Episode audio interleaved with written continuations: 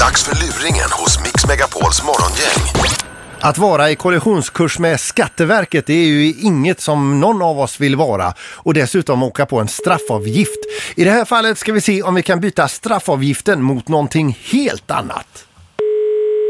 Ja, informationen. Ja, goddag. Jag sökte en Linda Gustafsson. Ja, det gör det. Ja, hej du. Lars Eriksson, Skatteverket här. Ursäkta, ringer jag och stör dig på arbetsplatsen? Nej, eller? det är ingen fara. Ja, det, det är så att eh, vi går igenom deklarationerna här och det har nog blivit ett missförstånd här tror jag. Ja, jag kan förklara det där. Ja. Det är så här att jag skickade med min deklaration med min pojkvän och skulle posta den på brevlådan. Ja, Och eh, han la, det var i söndag, så han råkade lägga den på en låda som tömdes på måndagen klockan fyra. jaså du. Så då frågade jag en kvinna på skattekontoret här i Göteborg om hur jag skulle göra nu, för den skulle ju inte komma fram i tid, det förstod jag ju. Ja. Så att då sa hon, ja, men skaffa en bank-id och så deklarera på internet Ja, ikväll." för vi fick en via e-post också. då. Ja, precis. Ja. Så att jag gjorde det för säkerhets skull, så att det skulle komma fram i tid. Ja, ja, ja, ja, då förstår det. Det förklarar en utav sakerna här va? Ja, Ah, Okej. Den andra saken är bara detta då att det, b- b- vi tittar på milavdragen bara, eh, ja, jämför då de här två va? Ja, Och då har du skrivit olika.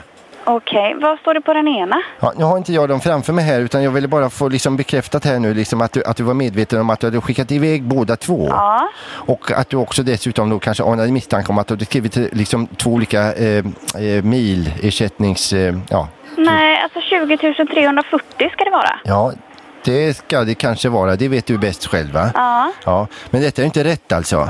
För det står olika på de här två. jaha. Och sen får man alltså inte lämna in två stycken deklarationer heller för den delen. Nej, för det sa hon till mig att jag skulle Ja, e-deklarera då på. har hon allt pratat för mycket i så fall va? Okej. Jag sitter som sakkunnig på... Ja, ja, nej, jag tror dig. Jag, jag bara försökte få det rätt för mig. Ja. För, för, för att ska man gå den hårda vägen här nu Linda va? Ja, Då är det egentligen så att, att detta är ju en straffavgift på sådana här saker och, och så plockar man på straffavgift både, både på dubbla deklarationer och på eh, olika milavdrag då. Så blir det ju en del pengar va? okej. Och då riskerar man också att tills vidare skönstaxeras och eh, dit vill vi ju inte hamna riktigt. Nej, gud, nej, absolut inte. Ja. Men då är det så att jag har, eh, det är nästan också, jag gick in i eh, det här körkortsregistret här nu, Ja, eller passregistret, för att bara se vem jag hade att göra med då. Mm. Det är som en liten hobby jag har då, för jag vill alltid veta om the bad guy, om du förstår vad jag menar. Ja, då. Om ja, någon visst, ja, visst. som försöker luras. Eh, I alla fall, och då såg jag, jag såg kortet på det där, på, kortet på... på dig. Ja, Ja. Och du är jättefin. jaha, tack.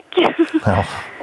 Så att det, jag tycker ofta att de som är skurkar, liksom att, de, att de ser ju skurkaktiga Ja, ut. men nej, du alltså ser inte... det får du verkligen inte tro att jag försöker Nej. göra någonting konstigt här. Nej, nej, nej. Det är min första milavdrag här, så Ja, jag och kan ha virrat till det, Ja, och alltså. det förstod jag när jag såg kortet på det också och tänkte att det här, det här är ett missförstånd bara. Ja, Och som, som du förstår så sitter jag liksom i, i någon typ av maktposition skulle man nästan kunna säga på Skatteverket här va. okej. Och det är lite grann så här att, att jag, när jag såg kortet på dig så då, då slog mitt hjärta en frivolt. Okej. Bli inte arg på mig nu för att jag säger Nej, detta. Va? nej. Och då var det jag, jag tänkte nu chansar jag, nu släng dig ut i det okända Lars tänkte jag och eh, fråga om du har chans att bara få käka en lunch. Med henne då.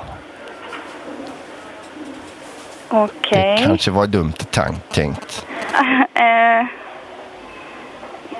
Jag jobbar ju alltså här på Skatteverket som sakkunnig och jag gillar tågbanor, jag samlar på serietidningar, Buster gör jag. Och sen gillar jag tjejer också för jag har inte riktigt haft den framgången då. Och vad säger du Linda? Jag stryker ett streck över dina eh, kriminaliteter och sen så dejtar du mig.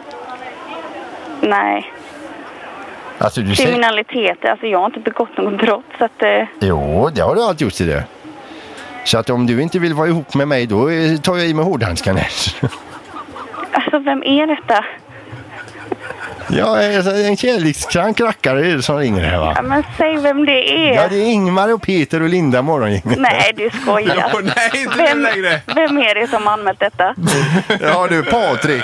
Det är det va? Nej, jag tror jag dör. Ja, nej, gör inte det. Jag trodde aldrig detta skulle hända mig. Linda, blir, blir du inte lite sugen på honom här i alla fall? Inte inte ett dugg om jag ska vara ärlig. Jag känner jag tände till lite där borta Peter. Ja, men då är jag din istället Ja, ja, Ingmar. du är Sjödén. välkommen. Du, Det Det, jag, det värsta är att jag känner igen din röst alltså. ja, det kan, ja, ja, visst. Och ändå. Det här ska han få fan för alltså. Visst. Du Linda, Ja. jag vill inte ha dig längre. Jag vill ha Ingmar. här. Ja, det tycker jag låter Ja, det är bättre. bra. Du, Lycka till. Tack, tack. Ha det bra. Hej! Hej då. Hej.